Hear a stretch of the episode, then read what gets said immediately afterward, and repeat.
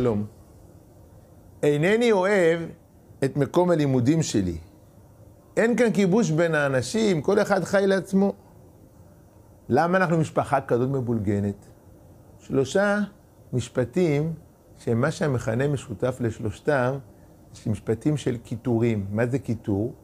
אני מתלונן על משהו, אבל לא מתכוון באמת לעשות עם זה שום דבר. מה זה קשור לפרשת השבוע? נספר עוד סיפור וניכנס לפרשה. הכלא כולו המה ורעש לשם הידיעה המסעירה. האסיר הוותיק ביותר בכלא אמור היה להשתחרר בשבוע הבא. והנה, האסיר הזה שהיה אמור להשתחרר, וכל אחד חשב מה הוא הולך לעשות בשחרור שלו, הוא הולך קצת ככה להסתובב בעיר, הוא הולך למשפחה שלו, הוא הולך אה, אולי לפתוח קריירה חדשה של שודי.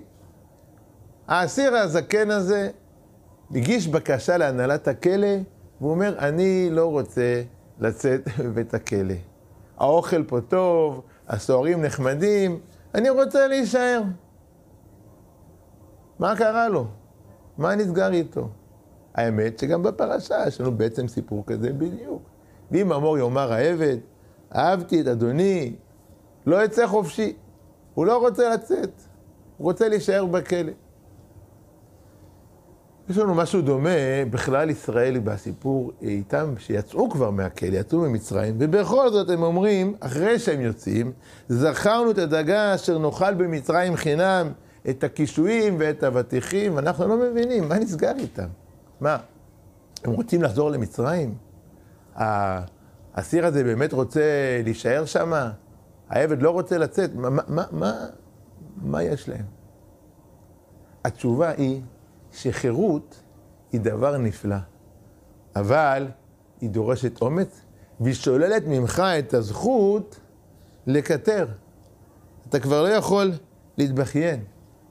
כנראה שבני ישראל לא באמת מתכוונים לחזור למצרים, ושוב פעם לחטוף מכות ולעבוד, זה לא כזה כיף גדול. אבל אין בעיה להתלונן, בין כה וכה הם לא יחזרו לשם. יגידו כמה היה שם טוב וכמה פה רע. לא עולה כסף. גם הבעל הזה שמתלונן על אשתו, והאישה שמתלוננת על בעלה, לא באמת מתכוונים לעשות איזה שינוי. אבל מה, תמיד נוח להתלונן, ואתה פטור מלעשות שום דבר. אבל האמת היא שזה לא חייב להיות ככה. בכל דבר בחיים יש לנו שלוש אפשרויות. בואי ניקח דוגמה. למשל, אדם אה, התקבל לאיזה מקום עבודה, והוא התחיל לעבוד שם, והתברר לו שהמקום הזה לא עונה על כל ציפיותיו. האווירה נחמדה, אבל העבודה לא כל כך מעניינת, והתנאים אולי לא הכי איי איי איי. לא בדיוק מה שהוא חשב. יש לו שלוש אפשרויות, ותמיד ככה, שלוש אפשרויות. אפשרות אחת זה אה, לנסות לתקן את מה שאפשר, ובעצם שתי אפשרות נגיד. אפשרות אחת זה לתקן את מה שאפשר ולהשלים עם מה ש... שלא קיים ולסמוך במה שיש. אפשרות שנייה, והיא אפשרות שהרבה פעמים חביבה עלינו, זה לקטר. להתלונן, כמה רע, כמה לא טוב פה, כמה זה. יש משהו חמים בבוץ הזה שמאפשר ככה לא לעשות כלום ולהתבכיין על מה שיש. אבל בסופו של דבר צריך לזכור שכמה שהבוץ הזה חמים, אה, חיים אין שם. הוא מלוכלך, הוא לא נעים, הוא, הוא לא טוב.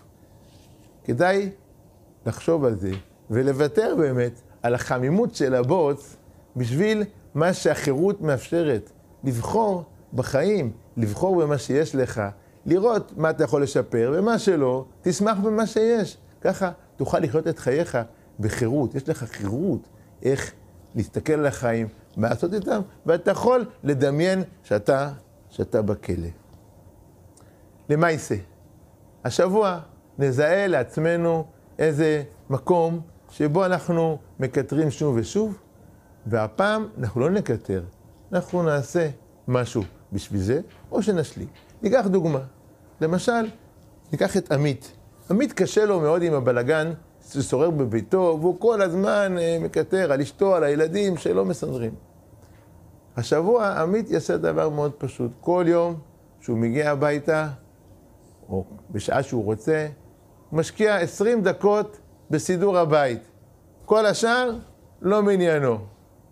במקום לקטר, יעשה מה שיכול וישלים עם מה שאין.